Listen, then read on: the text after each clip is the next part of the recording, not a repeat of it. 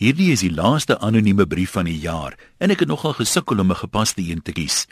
Hierdie een raak 'n paar kwessies aan wat elke jaar weer en weer kop uitsteek. So hopelik laat dit jou meer dink as drink. Never mind wat in die jaar gebeur het. Hier van November af wens almal 'n jaar was net 10 maande lank. Vakansie werk weer net mooi andersom. Never mind hoe lank die vakansie was, 2 weke of 6 weke, dis altyd 'n week te kort. Tog is elke dag presies ewe lank. 17280 minute. Dis hoe jy daai minute deurbring wat saak maak. En as jy luister hoe mense om jou praat, klink dit of niemand ooit iets leer nie. Volgende jaar hierdie tyd kla almal weer oor presies dieselfde goed. Toe ek 'n laaitie was, het die groot mense met hulle hande in die hare gesit oor ons kinders se swak maniere, hoe lui ons was en die duiwelse musiek waarna ons geluister het. As jy 'n plaat agter uitspeel, was daar glo satanistiese boodskappe op. Ek het dit eendag met 'n Bless Bridges plaat probeer, maar daar was toe net 'n potjie kos resep en potjie kos kan tog nie duiwels wees nie. Vandag gaan alle ou mense steeds te kere oor vandag se jong mense. Dis natuurlik niks nuuts nie. Om die waarheid te sê, dit was nog altyd so. Hoor wat sê die filosoof Sokrates wat meer as 400 jaar voor Christus gelewe het. Kinders het tiranne van hulle huishoudings geword. Hulle staan nie meer op as 'n ouer persoon binnekom nie. Hulle stry met hulle ouers. Hulle praat saam in die geselskap.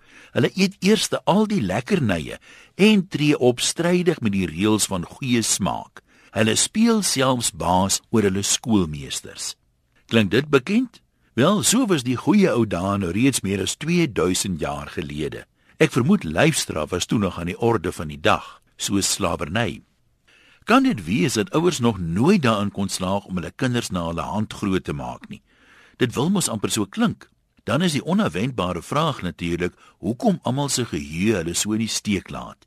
Jy moet omtrent 'n soekgeselskap uitstuur om iemand te vind wat kan onthou of dan nou bereid is om te erken dat hy of sy alles behalwe 'n voorbeeldige kind was. Tog glo almal, soos hulle dit in goeie Afrikaans beskryf, hulle het goed uitgedraai.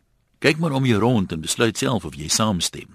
Hulle is egter baie krities en bekommerd oor vandag se jong mense wat hulle kinders nie meer maniere leer nie. Maar gerieflikheidshalwe vergeet hulle dat hulle die opvoeders was van daai kinders wat nou geen idee het hoe om hulle kinders maniere te leer nie.